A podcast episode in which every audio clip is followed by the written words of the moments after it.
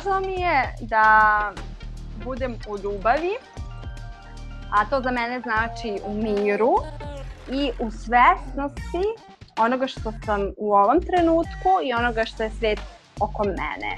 I važno mi je da nemam periode um, amnezije koje sam uh, imala, moram da priznam, na primjer, kada se setim na perioda pre fakulteta, da, da prosto kažem ko je bila ta osoba. Da ne mogu da shvatim neke svoje postupke. A to je važno Sofiji Borković koja se trenutno nalazi u Vijetnamu. Ja sam Aleksandra Bučko i nalazimo se u petoj nedelji vanrednog stanja u Srbiji, a vi slušate specijalno izdanje podcasta Urbani razgovori. Ove nedelje se proširila vest o Vijetnamu, kako je to država koja je dobila pohvale od Svetske zdravstvene organizacije jer nema ni jedan smrtni slučaj i ima nizak broj zaraženih osoba. Vijetnam, koji se graniči sa Kinom, ima više od 90 miliona stanovnika. N1 prenosi i da Kidong Park, predstavnik Svetske zdravstvene organizacije za Vijetnam veruje da je za njihov uspeh ključno bilo rano delovanje jer su oni sa vežbama procene rizika krenuli početkom januara, nedugo nakon što su prijavljeni prvi slučajevi u Kini.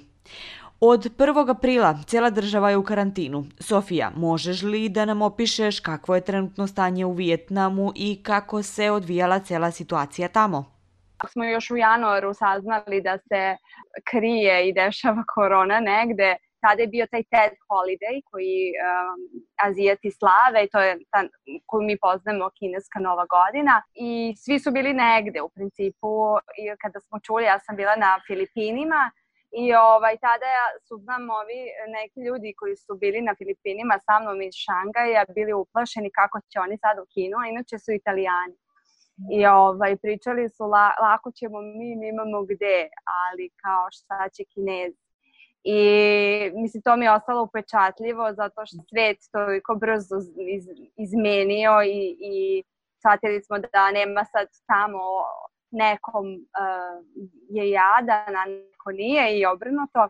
Tako da se sećam, znači kad sam dobila tu vest, ali svi smo mislili kao, to je kao ono svinski grip ili tako nešto gde čuješ, ali ni, ne, nemaš nikakav utisak, mislim, ni, nikakav utisak o tome specijalan, niti znaš da se to dešava u tvojoj neposrednoj blizini. I kad sam se vratila ovde, bilo je možda desetak slučajeva u februaru koji su se prijavili, koji su svi, mislim, išli ili su putovali po Vijetnamu, ono sever-jug, ili su negde bili van zemlje ali je sve funkcionisalo, znači nije bilo nikakve panike, niti su ljudi bili uplašeni, e, samo su pozivali ljude da se prijave ili da odu da se testiraju ukoliko su bili na nek, u nekim područjima, ali ovaj, baš se sećam kako sam pričala sa Nikolinom, našom koleginicom, kako su nju plašili kao ja Vijetnam, toliko je blizu Kine, gde ljudima nije bilo jasno, mislim što je razumljivo jer mi svi potičemo iz Evrope i gledamo da je mislim, na Evropu kao jedan mali kontinent u odnosu na Aziju,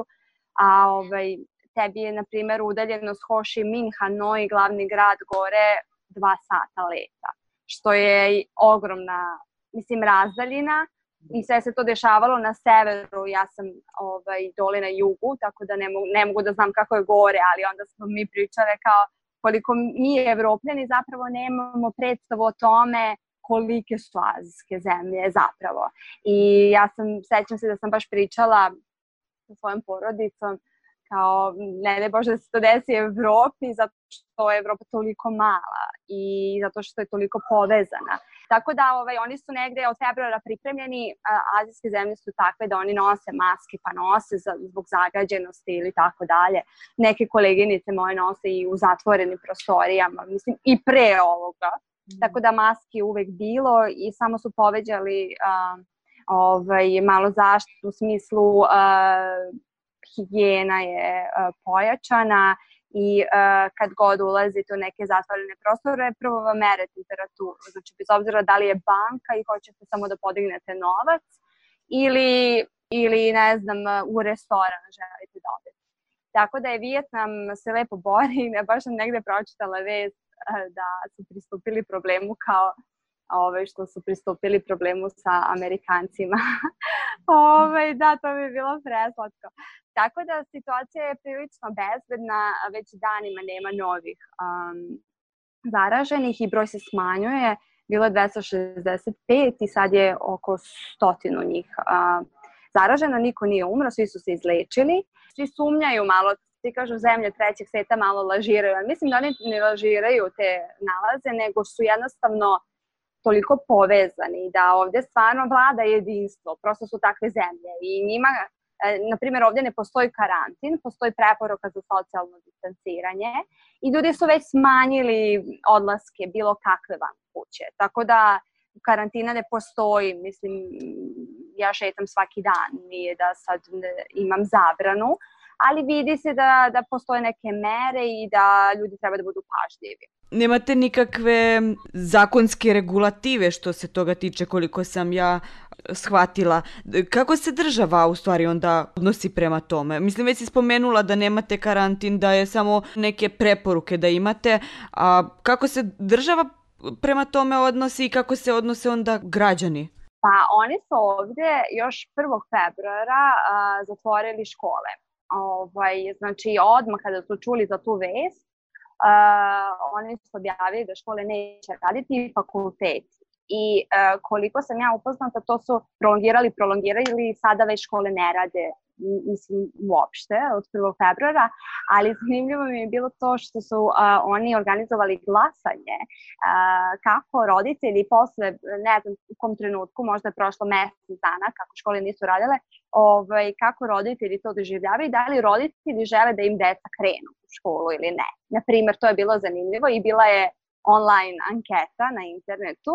Ovaj, Ho Chi Minh kao grad u kome se ja nalazim je bio, da kažem, najzabrinutiji jer ovo je najveći grad, uh, ima između 10 i 12 miliona stanovnika, od čega samo 2 miliona dece. Tako da su oni ovaj, uh, se bili zabrinuli, a i postoje je period, znači u početku februara je bilo desetak zaraženih, ali su se svi izlečili i oni su brojali 22 dana bez jednog novog prijavljenog slučaja i onda se desilo to da su ljudi, da se Evropa zarazila i da su neki ljudi putovali, a da nisu znali i došli su ovde. Tako da je bio mart onako jako uh, neizvesno za sve turiste i strance, jer uh, su oni zapravo negde dobili vez da im stranci to donose. Ovaj, I onda su bili jako restriktivni.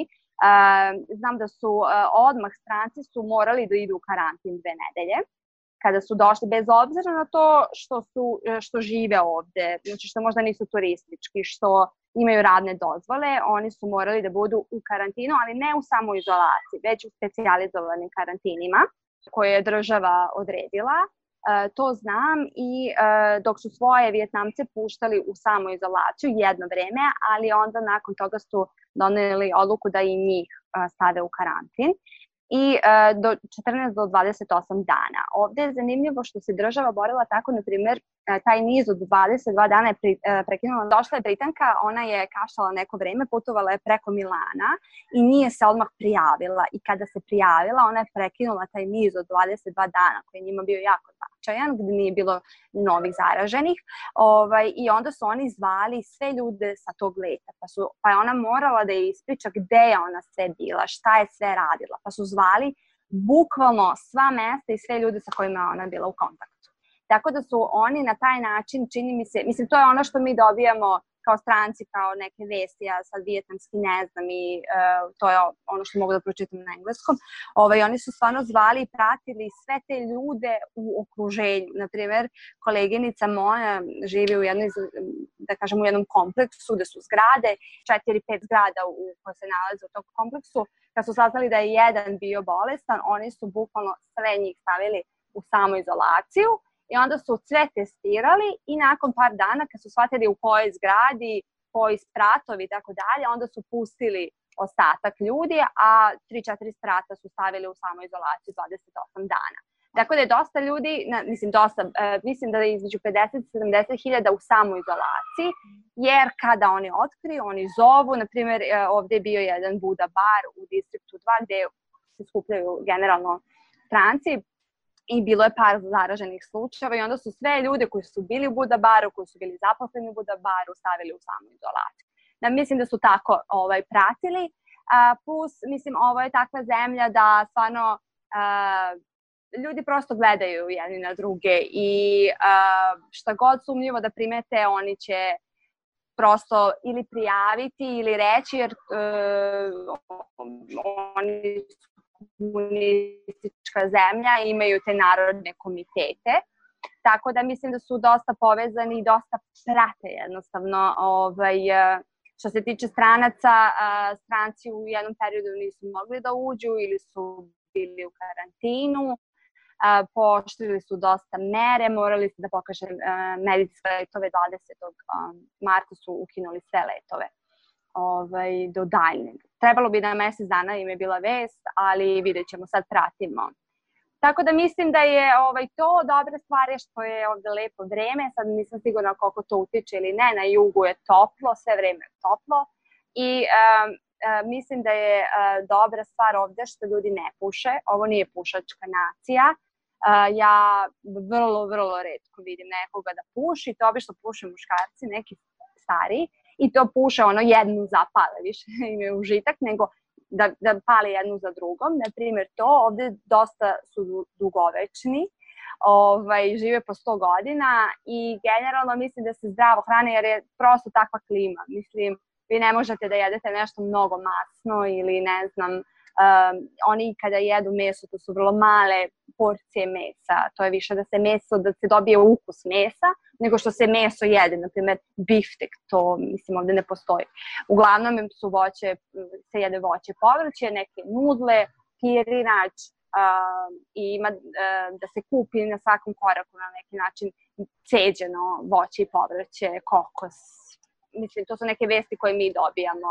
Za sada život normalno funkcioniše, pijace su otvorene, marketi su otvoreni, kafići su od 1. aprila i restorani zatvoreni, ovaj, e, jer se vodi računa, hteli su 14 dana da vide kak, kak, kako je stanje zapravo, ali može da se poruči hrana kad god e, i može da se izađe. E, e sad, naravno, moraju da se nose maske, ovde ko ne nosi masku plaća kaznu.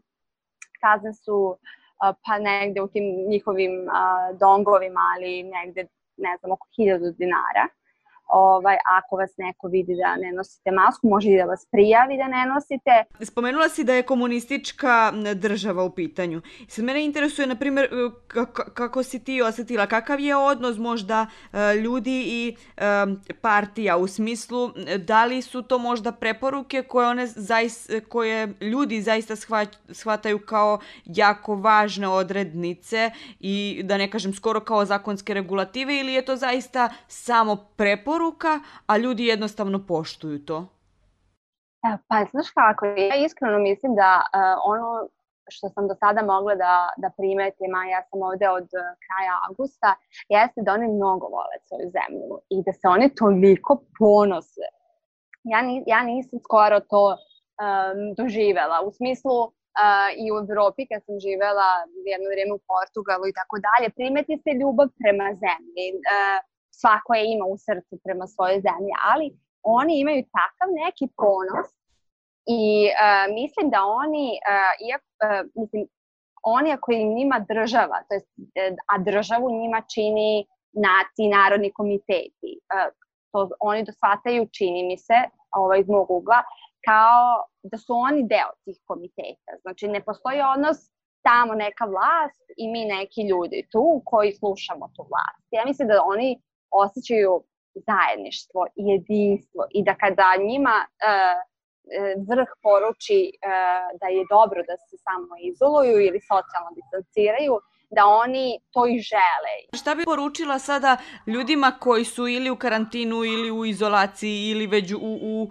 u toj uh, u tom socijalnom prosto distanciranju. Da, ja sam ovaj, baš pisala neki blog na temu za kim korona zvoni i meni se čini uh, da, da generalno da je ljudima ovo bilo možda potrebno, u smislu ne potrebno da se desi virus, ne, to nikako, ali da im je bila potrebna neka dozvola na neki način da svet stane i da oni stanu ovaj, i da se odmore u svojim domovima. Da e, često, mislim ja prva, pričat ću o sebi, ali mislimo da je odmor tamo negde, jedva čekamo te, te dve nedelje. Ovaj, a zapravo ja sam i doživjela to da mi je najlepši odmor bio e, prošle godine za uskrs kada sam bila ostala kod kuće u Beogradu i kada nisam nigde išla i da tada, tada sve nekako utihne i vi konačno možete da, da nekako presložite i posložite sebe i da možete to, konačno da vidite šta imate u, u ormanu ili šta ste, šta, ono silni oni fajlovi koje skladištimo ili kao naši desktopi kako izgledaju na kompjuteru, bože me sačuvaj. Sam, to je samo ono e, da se dešava, da se dešava produktivnost, produktivnost i sada to ne postoji na ne u tolikoj meri. I meni, meni ja sam takva osoba koja to voli i meni to prija. Tako da čini mi se da, da je možda mislim da svi mi imamo neki zadatak trenutno specifičan samo za nas, da je svako dobio ovaj, porciju nečega što njega može da na neki način presloži, posloži um, i da treba prvo da, da čujemo sebe, šta je to što je nama sada potrebno kao individuama. Jer uh, očigledno ako uh, sad odjednom imamo po, histeričnu potrebu da da radimo hiljadu asana koju nismo nikad preradili, da meditiramo, učimo jezike ili ne znam nija šta, Znači, mi smo toga svakako gladni čim imamo potrebu. Već si ispomenula svoj blog, a ja ću da te citiram. Napisala si na, u jednom od svojih tekstova, tek kada se ne plašimo smrti, možemo da živimo život. Takođe, ta pandemija nije sve što se dešava oko nas, zato što život prosto teče, tako da mislim da je jako uh, važno da popričamo malo i o tvom a, životu u Vijetnamu i o tome šta radiš. A, mislim da prvo treba da otkrijemo zašto si se odlučila za Vijetnam baš, zašto e, i na koji način si otišla tamo da, da živiš.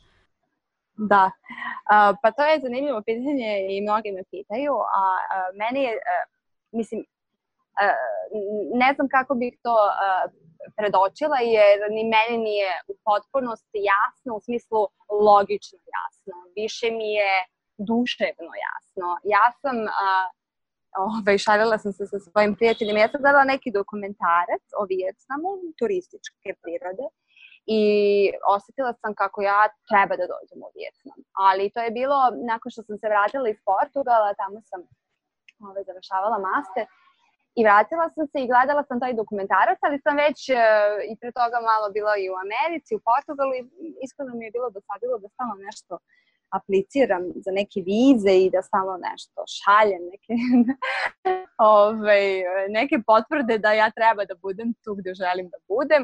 I um, nisam, nisam o Vijetnamu razmišljala, nego sam želela da budem malo u Srbiji i bila sam dve godine, ali ta želja se s vremena na vreme meni javljala, onako subtilno i nekako znala sam da je to ludost na neki način. Šalila sam se sa prijateljima, pa znate, ja sam gledala dokumentarac, oni su mi rekli, ovaj, e, pa i mi gledamo dokumentarca, ali se ne selimo kao, nego smo tu gde jesmo. E, a ja nekako volim e, da ja, ne, ja volim da putujem, ali volim da budem negde i volim da iskustim. Uh, I Vijetnam je mene tako suptilno dozivao na neki način i onda su se koskice prosto slagale i ja sam rešila da je trenutak da ja uh, taj zov duše poslušam i da dođem, da, da probam. Iako moram da kažem nikad da pre nisam bila u Vijetnamu, niti sam bila u Aziji. Da li je potrebna viza? E, da li, je, da li si možda dobila posao pa si tako otišla? E, taj možda proceduralni deo.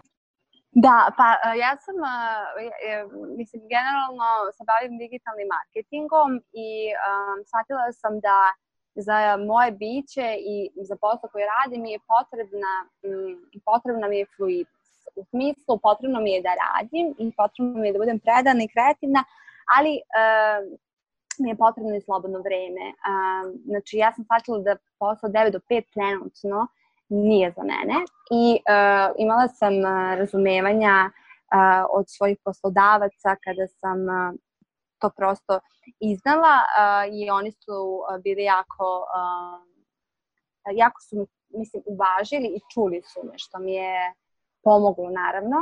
Um, uh, da, da još više odem u tom smeru poslodavci u Srbiji. I ja sam i našla posao iz Srbije zbog koga sam došla u Vijetnamu u Vijetnam, pardon, i zbog koga sam u Vijetnamu. Tako da sam posao našla, posao nije teško ovde naći. Oni vole zapadne ljude, kad kažem zapadne, mislim sve što nije isto. I, i vole, vole strance. To pričamo o Ho Minu, jer stvarno na severu zemlje još uvek nisam bila, tako da to ne mogu da tvrdim.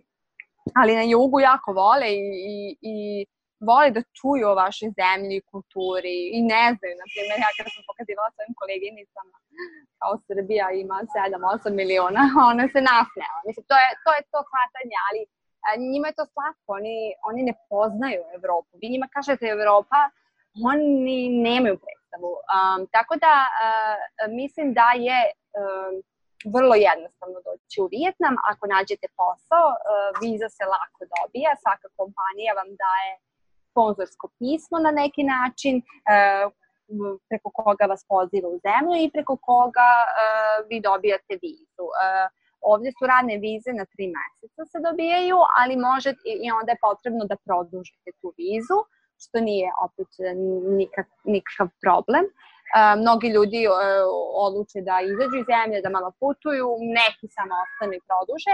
Postoji mogućnost da imate privremenu kao privremenu ličnu kartu i privremenu radnu dozvolu. To se dobija na dve godine i onda ne morate da izlazite iz zemlje ili da produžavate vizu.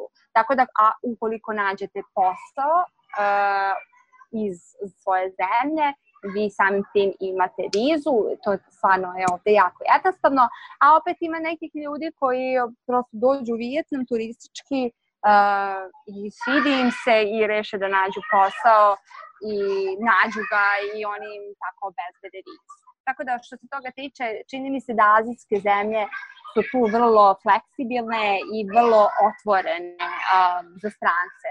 Um, to je što se tiče viza, uh, poslova ima sad u kom sektoru, ne znam, mislim ovo je stvarno mnogo ljudna zemlja, Minh je metropola, svaki distrikt je priča za sebe, tako da ne bih mogla da kažem u kojim segmentima i sektorima, možete da pronađete sebe, ali svakako ima posla.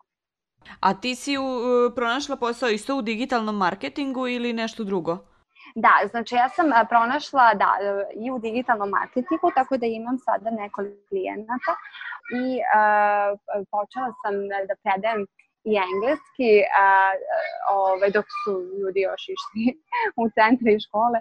I moram da kažem da, da mi je taj posao uh, jako, um, jako lep uh, i uh, nekako sam upoznala njihovu decu uh, i način na koji su uh, oni vaspitani, oni su jako bezbrižni i ta deca i uh, hode tako bosti i ne, ne, ne boje se da se uprljaju i na, nešto najlepše što sam, uh, mislim to je sve kratko trajalo, ovaj, nisam, nisam ja to dugo radila, ali ovaj, kada ih upoznate uh, i kada ih pitate kako ste, oni vam kažu I'm happy, ja sam sreća. Ne kažu kako si, dobro sam, nego samo kažu ja sam sreća. To nas dovodi do pitanja um, kakvi su tamo generalno ljudi, kakav je mentalitet, kakav je život, kultura? Oni su, uh, ja kada sam došla ovde, uh, prvi utisak mi je bio da je uh, Vijetnam svoj svega što sam ja videla. U smislu, oni su jako vredni i radni. Uh, oni idu, uh, oni šest dana nedeljno rade i, uh, i deca idu šest dana uh, nedeljno u školu. Uh, znači, oni jako puno rade, ali s druge strane um, jako puno uživaju. Naprimer, uh, vi ćete u sred banke zatvaraju uh, svoje poslovnice filijale, kako se to već kod nas kaže, od, čini mi se, od 12 do 2 Uh, I oni odu na ručak, znači uh, imaju taj, uh, kako bih rekla, taj neki evropski, južni, ono, kao italijani, grci mentalitet, um, ali opet kao amerikanci nekako dosta rade. Um, ali oni odu na kafu, na ručak i uh, znaju da uživaju. S druge strane, um, dan ovde kreće jako rano, oko še, u šest ujutru, uh, znači svi su već na ulici, negde bip, bip, bip, bip, na popedima idu. Ja sam se pitala gde ovi ljudi idu stalno i konstantno, jer čini mi se kao da se samo voze, a nije zapravo. I, uh, jer oni ovde nekako prirodno žive po ajurvedi, ustaju oko pet, doručkuju, u šest su već na ulici, idu ka, na posao. I uh, već oko 6-7 popodne ovde onako uh, sve prosto ne, nestaje, ali e, zamiren, da tako kažem. I e, oni u 90 većina su negde u kućama, pomirili su se i idu na spavanje jer u pet ustaju. E sad zavisi od distrikta do distrikta, na primer distrikt 1 u kome su najviše a, turisti, a, on, mislim tu postoje diskoteke, kafići i to sve radi. Mislim, vi imate i ovde svuda kafiće koji rade 24-7, na primjer. Oni vole kafe, Vijetnam je poznat po kafama i izvozu, um, oni su drugi na svetu po izvozu kafe, posle Brazila odmah. I to je, na primjer, zanimljivo što ljudi o tome malo znaju, a kafa im je jako, jako dobra imaju po, pravi posebnu vijetnamsku kafu, koja je sa kondenzovanim mlekom i hladna je ili sa jajima pravi kafu. Um, vole to, naravno pirinač naravno i nudle uh, to ovaj fota i njihov jedu i ban mi. Tako da nekako oni žive, žive na mopedu. A, možete da vidite ljude koji su a, čitaju novine na na mopedu, na primer, na ulici, onako leže ili spavaju na ulici. E, dosta im se život vrti oko toga, a neće nikad ići da prošetaju, znači to ne postoji, niti će do prodavnice da idu pešice, znači sve bukvalno na mopedu uh, se dešava, uh, čak uh, nekad imaju kao neke nisu trafike kao kod nas, ali su otvorene prodavnice i oni bukvalno se ne parkiraju da bi otišli da uđu da kupe neke namirnice, nego im ova žena iznosi iz prodavnice, znači oni ostaju na svom mopedu. Ovaj, uh, I tu im se krije život. Uh, dosta su uh, posvećeni porodici. Porodica im je jako, jako, jako važna. Uh, mogu da kažem da onako svi oko 27, osim ove moje kolege i koleginice su već negde venčani i uh, koliko sam ja shvatila, vole da imaju dvoje dece. Uh, ne voli ni više ni manje. Dosta su tome okrenuti, povezani su um, sa starim članovima porodice, jako ih uvažavaju i nije, uh, nije redko da se vidi da u kući živi dosta njih, ali ne zato što oni ne mogu da priušte, nego jednostavno vole da žive. Mislim, voli da žive ona mama, tata, sin, čerka, baba, deda i tetka, na primer. E, tako da su onako povezani i vole da posećuju svoje porodice za vreme praznika uvek idu na selo ili gde su im već um, njihove porodice. Uh, to im je jako važno. Uh, vole karaoke, kao i sve azijske zemlje i imate ogromne zgrade koje su samo karaoke, posvećene karaokama. Um, vole milk tea da piju uh, i vole generalno da piju tako ceđene neke stvari. Um, mislim da su dosta srdačni. Uh, ja sam imala um, sreću da malo putujem po Aziji. Uh, oni su za sada negde najsrdačniji uh, ljudi koje sam ja upoznala u Aziji, ali imaju dostojanstvo i uh, imaju distancu. Uh, nekako neće vam ulaziti u vaš privatni prostor, javit će vam se sa osmehom, pomoći ako ih pitate, ali neće, neće onako pokazivati prstom ili ne znam, pitati da se, mislim, fotografišu samo kako sam čula da u Kini ono čak i ne pitaju. Ne, oni su ponosni na sebe, svoju zemlju, njima je drago što ste vi ovde. E, poštuju, koliko sam ja primetila, žene, jako je bezbedno, vi možete da se vratite kad god želite ono, iz grada, nema sad svaka zemlja za tebe nema nikakvih ograničenja što se tiče oblačenja ili da morate kao u Indiji da se pokrivate, to ne postoji. Um, dosta njih um, su budisti, tako da praktikuju jogu, ali vole da vas pitaju i o vašoj religiji. Znači, iako je komunistička zemlja, ovde postoje crkve koje su otvorene, što mi je jako zanimljivo, i oni idu u crkve, ali na, naravno već, većina ljudi prosto ide u neke hramove.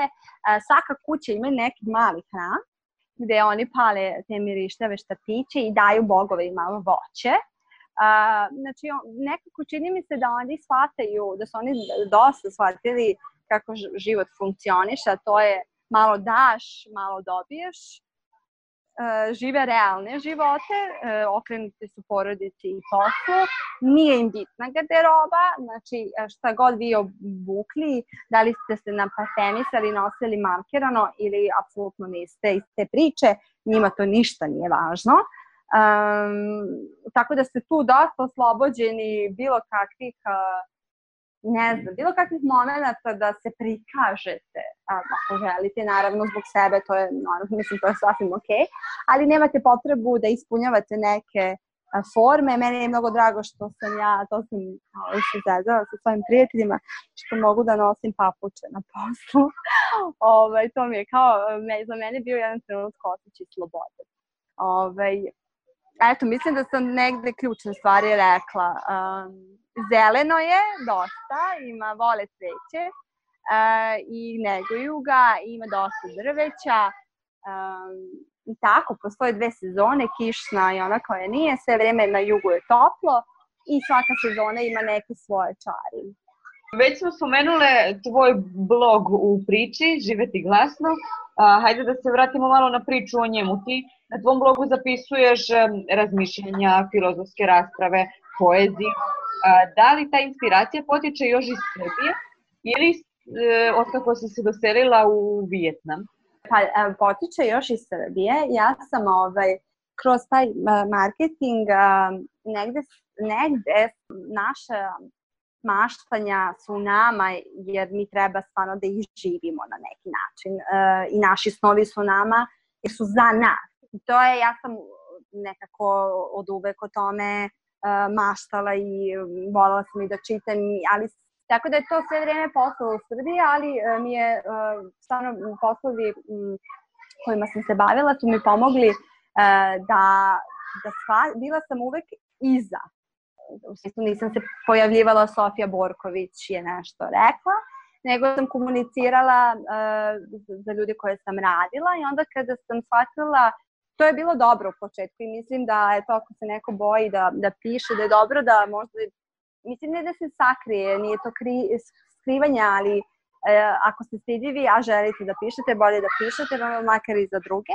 I onda sam, e, radići za druge, e, shvatila da, da, da ljudi to vole. Mislim, i nekako sam se okuražila i onda sam, e, što je ovaj, e, jedna učiteljica životnih veština Marija Grojić Bepa, uh, koja mi je jako pomogla negde na mom putu, uh, rekla, pa da, sada ideš i bila si producent iza scene, sada si glavna uloga, sada nastupaš. I ja sam stvarno negde počela mislim da se tu nije, da se ne radi o verovanju o sebi, nego baš o oslobađanju od nekih strahova koje imamo, a to je šta će drugi da kažu da, počela sam da pišem još u Srbiji, počela sam ne tako um, davno, možda pre godinu dana, da to sve, ob... mislim, počela sam da pišem i ranije, ali ništa nisam objavljivala i nikome nisam davala to da pročita. Ove, davala sam samo kad je bila neka ekstremno ovaj, um, važna situacija. O, tako da sam to počela i uh, iskreno uh, ne mogu, mislim, mnogo mi je drago što uh, što pišem, što objavljujem, što mogu to da podelim sa svetom, a naj, najlepše od svega toga mi je da to stvarno radim zbog sebe, e, ali jako je važan moment razmene sa drugima i čini mi se da je blog taj koji e, može e, da nam svima pruži razmenu, jer nekako ako ne pronađemo neku svoju publiku i to je okej, okay, ali čini mi se da uh, pišemo i, i evo ti radiš sve ovo da bi mogla uh, i svako radi neki svoj posao da se još više poveže sa, sa ljudima. Mada su to više negde moja razmatranja o svetu i um, tu mi je važno da kažem da se ta razmatranja svakako menjaju i da se radujem da to pročitam za godinu, dve i da kažem u čoveče što mi je drago da više tako ne razmišljam. Mislim da je to poenta. Da se ljudi često boje kao šta ako kažu gledaj kako si tad razmišljao, sad ne. Pa to je sjajno. Tu, tu se vidi napredak. Ovaj, kada vidimo da smo se promenili, to nam je opet ta Marija Gruć-Bepa je rekla to nam je najveći život, životni sertifikat i diploma. Kad kažeš ona stara ja ili onaj stari ja i to više ne postoji. To je najveći uspeh. U kojim žanrovima se možda najbolje osjećaš? u kratkim. Ovaj, moram da priznam da još nisam istrenirala sebe, da se tome posvećeno, predano i svakodnevno uh, bavim. Uh, tako da za sada me te kratke forme uh, u smislu uh, tih blog postova koji su zapravo negde dnevnički, uh, mislim, zapisi, uh, donekle i neke reportažni, eseistički. Za sada mi to najviše prija, jer uh, moram se, mislim moram, ne moram, ali želim da sebe istreniram da um, se malo više bavim uh, poezijom i romanima. Imam kao pet započetih romana po ne znam koliko strana i to ništa nije završeno. Za sada mi prijaju te online forme, iskreno, uh, jer uh, prije mi da mogu da razmišljam o važnim stvarima na negde lak način i to se trudim da radim pa možda si treniram da budu i duže, pa nešto uh, izađe iz toga poput romana ili neke knjige poezije. Bili su ovo novi urbani razgovori sa Sofijom Borković iz Vijetnama. Završila bih ovaj razgovor sa mišlju koju si napisala na svom blogu, prenoseći znanja našim potomcima da je bio jedan virus koji nas je ozdravio. Ja sam Aleksandra Bučko, a vi ste slušali specijalno izdanje podcasta Urbani razgovori nastalo u petoj nedelji od proglašenja vanrednog stanja u Srbiji zbog epidemije virusa COVID-19. Hvala ti Sofija na ovom razgovoru. Hvala tebi mnogo. Podcast Urbani razgovori je dostupan u sklopu medijskih sadržaja Fabrike kreativnosti na platformama Mixcloud, Anchor, Google Podcast i na YouTube-u. Slušajte i dalje o važnim temama jedan na jedan.